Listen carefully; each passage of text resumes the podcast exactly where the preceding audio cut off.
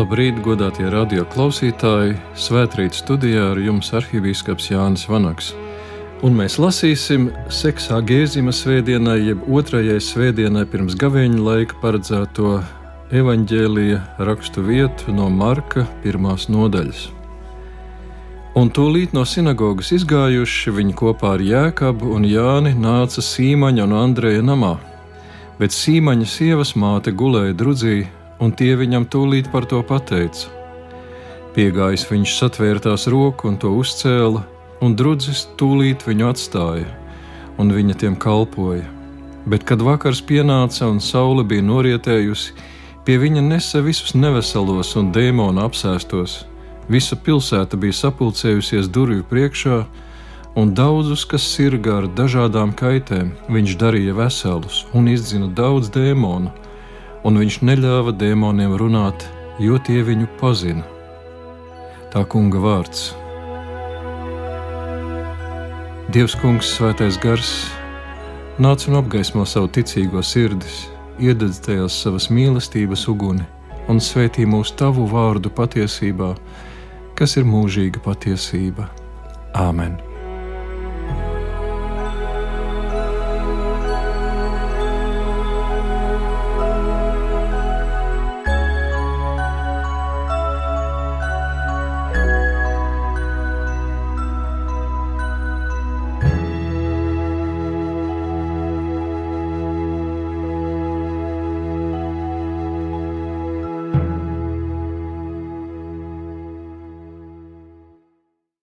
Daži īsi un vienkārši teikumi no Marka evaņģēlija, un arī aprakstītie notikumi nešķiet neko spilgti, ko gan lielu no šīs rakstu vietas var cerēt izlobīt.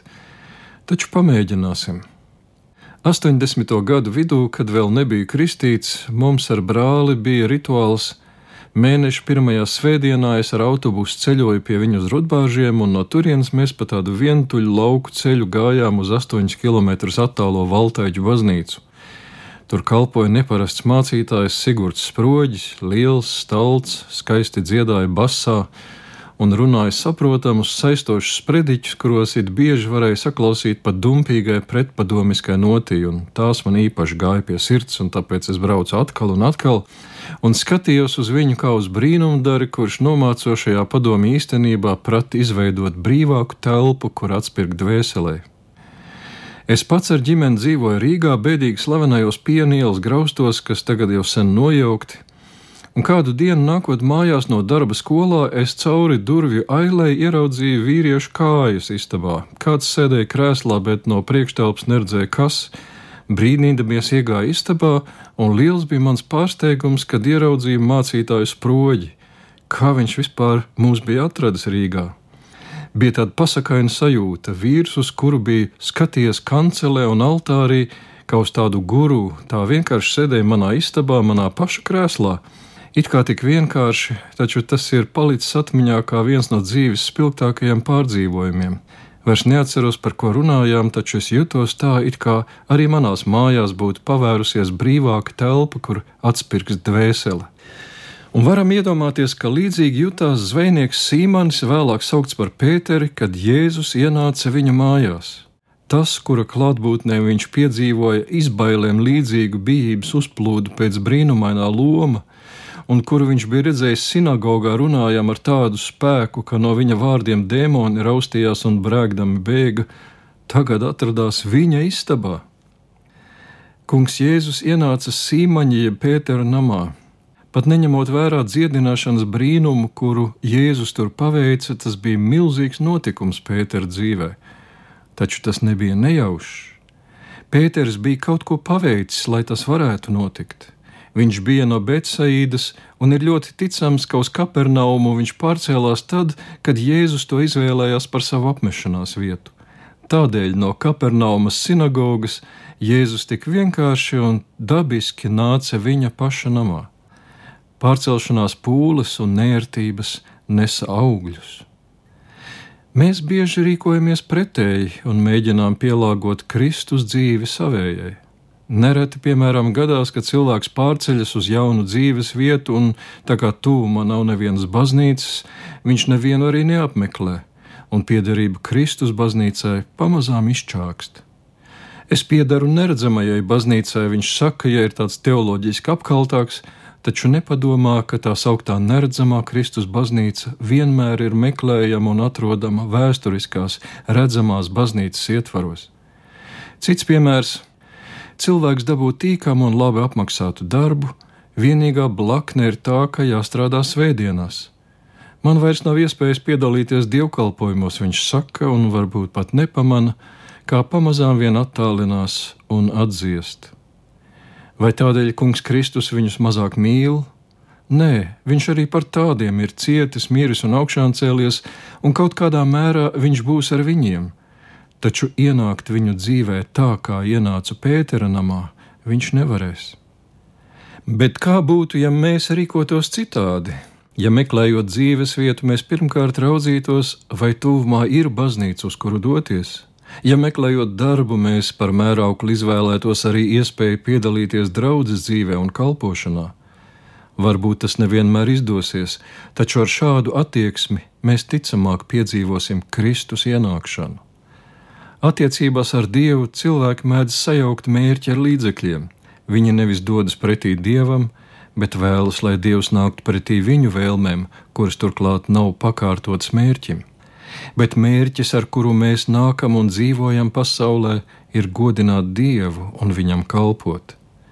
Mēdz būt, piemēram, kad cilvēks iekāro kādu baznīcas amatu un domā, ka to ieguvis viņš gan varēs labi kalpot Dievam. Īstenībā atbilstošāk būtu otrādi - tiekties labāk kalpot Dievam un viņu vairāk pagodināt, un ja tad ceļš aizved līdz šim amatam, to ar pateicību un pazemību pieņemt. Cits varbūt vēlas izveidot ģimeni un iekārtot namu, un tad domā, ka šajā dzīves izkārtojumā varēs kalpot dievam. Lai gan īstenībā atbilstošāk būtu meklēt, kalpot dievam un viņu pagodināt, un ja dievs vadītu pa tādu ceļu, kurā top ģimene un mājas, to ar pateicību pieņemt. Nav viegli iegūt šādu izpratni un attieksmi, un, ja tas neizdodas, Dievs jau tādēļ tevi nemīlēs mazāk. Taču Kungs Jēzus ienāca Pētera namā ar saviļņojumu un ar dziedināšanas brīnumu, kad tas Kristus dēļ bija pārcēlies no Bētsaidas uz Kapernaumu. Domāt par šādu attieksmi var likties biedējoši. Saka, ja es te ļaušos, Dievs tūlīt uzklups, visu atņems un atstās pliku. Taču lūk, Pēterim bija nams, kāda Jēzum nebija, un kungs viņam to nepārmeta, bet nāca šajā namā. Pēterim bija sieva, kādas Jēzum nebija, bet kungs viņu par to neapskauda, bet izdziedināja viņas māti. Cilvēku, kurš dievu liek pirmajā vietā, Jēzus nevēlas mocīt un aplaupīt, un vada viņu pa labu ceļu, neuzliekot nepanesamas nastas bet ja kaut kas viņa un evaņģēlīja dēļ ir jāatstāj, viņš to simtkārt atdara citādi, ar kaut ko brīnumainu un dziedinošu. Lai tas mūs iedrošina, meklējot ceļu, kā pārcelties tuvāk Kristum. Jēzus nāca Pētera namā. Kad uzņemam īpaši godājamus viesus, kuriem gribam par sevi atstāt labu iespaidu, mēs cenšamies uz to labāko. Ir tautas, kur skaitās goda lieta sarīkot tādas kāzas, ka jaunlaulāto ģimene uz ilgu laiku nonāk parādos, un cilvēki to dara, jo tā ir tradīcija. Kāda ir mūsu tradīcija uzņemt kungu Jēzu? Viņš mūs ielūdz uz savu debesu ķēniņa kāza mīlestību, kur mēs ielūdzam viņu. Lūk, jautājums, ar kuru padzīvot apcerē, lai tas mūs stimulē, bet nebiedē mēs redzam, ka Jēzus bez pretenzijām pieņēma nabaga zvejnieka viesmīlību. Tā droši vien bija gaužām vienkārša, taču cik brīnumaini Jēzus par to atlīdzina. Apcerot jautājumu, kur un kā es uzņemu Kristu, atcerēsimies viņa viesošanos Kapernaumas zvejnieka namā. Kungs Jēzus vienmēr dod vairāk nekā paņem, viņš pieņem vienkāršu, pazemīgu aicinājumu uz saimi, kura ir pārcēlusies, lai būtu viņam tuvāk, un atdara to ar brīnumu un dziedināšanu. Cik labi, ja viņš tā ienāk sirdī, kura no tāluma un svešuma ir pārcelta viņam tuvumā. Pētera namā Jēzus ienāca tūlīt no sinagogas. Kas notika sinagogā? Jēzus atbrīvoja un dziedināja kādu vīru ar nešķīstu garu, un tagad viņš Pētera namā dziedināja viņa sievas māti. To, ko viņš bija darījis dievnamā, publiskā dievkalpojumā, tagad viņš darīja ģimenes mājā, saimes mājoklī.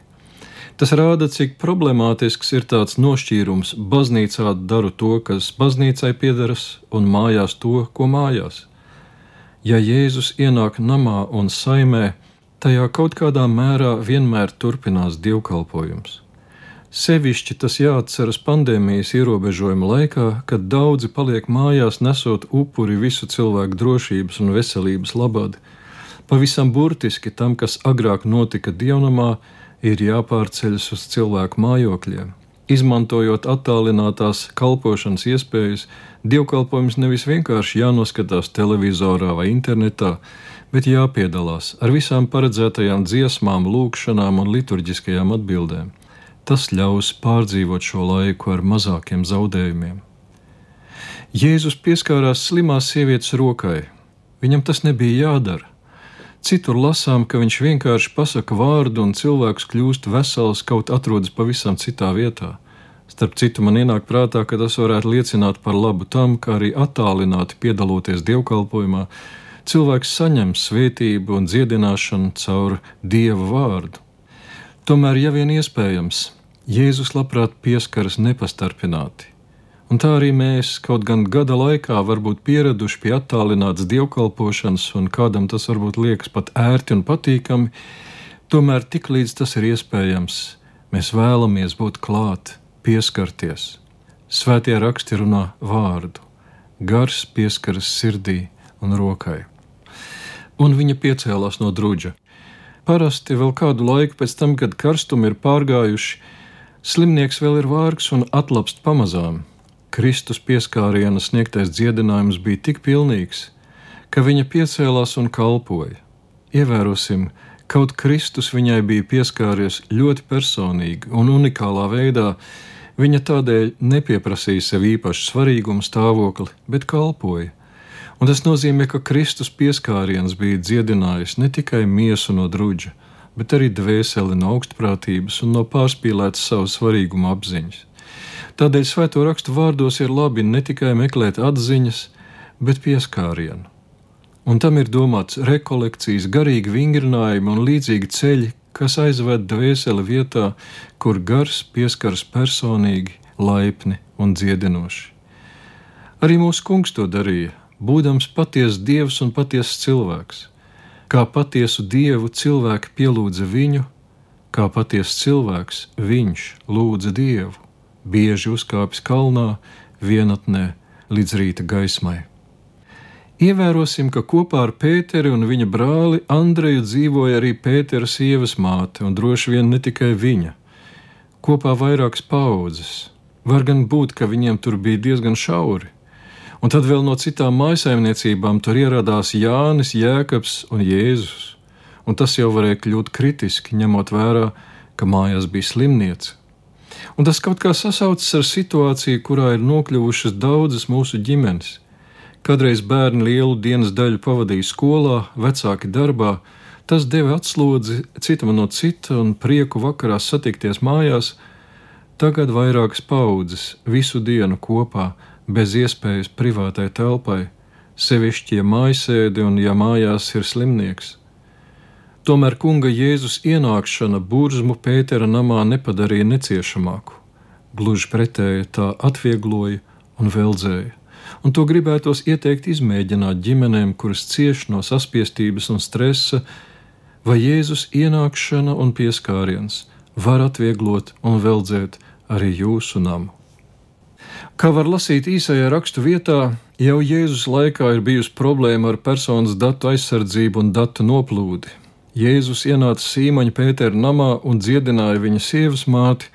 Saule vēl nebija norietējusi, kad viņa durvju priekšā jau bija sapulcējusies visa pilsēta un sanesusi savus neveselos. Tie sirga ar dažādām kaitēm, un viņš daudzus darīja veselus. Un šeit gribas pievērst uzmanību vārdiem sirga ar dažādām kaitēm. Šie cilvēki bija ļoti dažādi, un viņu slimības bija dažādas. Trieka, piemēram, ir hroniska un drudzes akūta slimība. Jēzus dziedināja gan vienu, gan otru. Viņš dziedināja arī apsēstos, kaut viņi bija ļauni un viņu gadījumi bija smagi. Blakus kādai baznīcai reiz bija novietots plakāts ar vārdiem Jēzus ir atbilde, un kāds jogdaris atpakšā uzkrāsojis, kāds bija jautājums. Tomēr redzot, kā pie Jēzus durvīm sanāk vesela pilsēta ar visdažādākajām kaitēm, šķiet, ka tur pie Jēzus sliekšņa nemaz nav tik svarīgi, kāds ir jautājums. Svarīgi ir tas, ka tur ir atbilde un šajā īsajā rakstu fragmentā tas atklājas varbūt pat dziļāk nekā pirmajā mirklī liekas. Lasot par Jēzus dzīves notikumiem, mēs mēdzam identificēties ar to dalībniekiem, un šeit, piemēram, Pēters un viņa sievas māte. Abi liekas tādi apskaužami personāži, gribētos būt kā viņiem. Viņš piedzīvo saviņojošu apmeklējumu savā namā, viņa saņem brīnumainu dziedināšanu, Kaut es kaut ko tādu varētu piedzīvot, gribas izsaukties. Tomēr šajā stāstā ir vēl kāds vai kādi, kuru piedzīvotājs savādā kārtā šķiet vēl pārāks. Kas tie ir? Tie ir dēmoni. Par viņiem ir teikts, ka viņi pazina Kristu. Visapkārt neviens vēl neaptvēra, kas Jēzus ir, bet dēmoni viņu pazina. Un tur ir rakstīts, viņš neļāva dēmoniem runāt, jo tie viņu pazina un tie klausīja. Nē, es negribu būt demons un pat ne tūmā kādam no tiem, bet spēja pazīt Kristu pat tur, kur neviens viņu nepazīst, un viņam visā uz vārda paklausīt. Nu, tas patiešām ir kaut kas izcils un iekārojams. To es no sirds gribētu. Laimīgā kārtā šī dāvana nav paredzēta tikai ļaunajiem gariem, tā ir domāta Kristus mācekļiem, lai tajā ieaugtu svēttapšanas ceļā, baznīcas kopībā, lietojot dieva dotos žēlastības līdzekļus. Tomēr no šī notikuma var smelties pamudinājumu. Ja dēmoni spēja pazīt Kristu un viņam klausīt, kādēļ ne es? Jēzus neļāva dēmoniem runāt, un viņi klausīja un klusēja. To ir labi atcerēties, sastopoties ar saviem iekšējiem dēmoniem. Kas tie tādi un vai man tādi ir? Atcerēsimies Kainu un Ābelu, divi brāļi, divi likteņi. Mēs esam no viņiem cēlušies. Un nav tā, ka es esmu Kains un tu esi Ābels vai otrādi. Mēs katrs esam pa daļai Kains un pa daļai Ābels divi pretēji ceļi, kas aizved divos pretējos likteņos. Mēs katrs esam krustcelēs, spējīgi iet gan pa vienu, gan pa otru ceļu. Meklēt sevi kainu nav patīkami, un atrast viņu ir baisi, taču ļoti nepieciešami. Mēs katrs mēdzam piedzīvot vilšanos, kad negūstam to pēc kā augstam. Mēs piedzīvojam sarūktinājumu, ja tiekam piekrāpti un izmantoti, sarūktinājums ved pie aizvainojuma, aizvainojums ved pie atriebīguma, un atriebīgums, ja mēs nopietni, godīgi un dziļi ielūkosimies savās atriebīgajās fantāzijās, mēs pamanīsim, ka tās var kļūt ļoti tumšas. Un ir zināms procents cilvēku, kuros tās uzvārās pāri malām, un viņi tās noveda visai tālu. Kanādiešu psihologs Jordans Petersons iesaka lasīt vēsturi kā ielūkojoties savā bezdibenī. Piemēram, kad lasām stāstus par gulaga nometnēm, mēs parasti iztēlojamies, kā būtu, ja es tur būtu ieslodzīts, kā es izturētu, vai es izturētu. Taču Petersons iesaka šo vēsturi lasīt ar sevi cietumsarga lomā. Jo lēģeru apsargi taču bija parasti cilvēki, kas nonāca apstākļos, kuros viņu priekšā pavērās kaina ceļš. Viņu tumšās fantāzijas pēkšņi varēja īstenoties, viņu iekšējie dēmoni ierunājās pilnā balsī. Kā es būtu izturējies viņu vietā, viņu situācijā, ir svarīgi atklāt briesmoni sevī. Karls Jungs runā par to, ka cilvēka ēnas pusē saknes sniedzas līdz pašai ellei. No vienas puses ir pat dziedinoši to atklāt un apzināties, ka tu neesi nekaitīgs, naivs, šurpu turpu lokāms un grūstāms vārgulis, ka tev kā Pēterim uz olīvu kalnu ir līdzi zobens. Jēzus mācekļiem teica, kam nav tas, lai pārdod drēbes un lai pērk zobenu. Un tie sacīja, kungs, redzi, šeit ir divi zobeni, un viņš tiem sacīja, tad pietiek. Un Pēterim viņš teica, bāz zobenu atpakaļ makstī. Lēnprātīgais ir tas, kuram ir zobens, bet kurš to neizvelk no maksts, un lēnprātīgie iemantos zemi. Visgrūtākais ir neizvilkt zobenu, kad ļoti gribas un apstākļi ir labvēlīgi. Visgrūtākais ir neļaut dēmonam sevi runāt un uz to ved divi soļi. Vispirms savi dēmoni godīgi jāierauga un jāiepazīst pašam, pēc tam tie jāiepazīstina, jākonfrontē ar Kristu, jāizved viņa tūmā, jo viņš ir vienīgais, kurš spēj pavēlēt tiem klusēt, pavēlēt tā, ka viņi klausa. Tas ir tik vērtīgi un dziedinoši, ka tā dēļ ir vērts pārcelties no Bēcaidas uz Kapernaumu. Nu, lūk, dažas atziņas, kuras varējām izlobīt no dažiem īsiem Bībeles teikumiem. Un Bībelē ir tūkstošiem un tūkstošiem teikumu, kuros meklēt un atrast, meklēt un atrast. Lai Dieva gars, kurš šo grāmatu ir iedvesmojis, palīdz mums to lasīt, saprast, personalizēt un realizēt. Lai Dievs mūs uz to svētī. Āmen!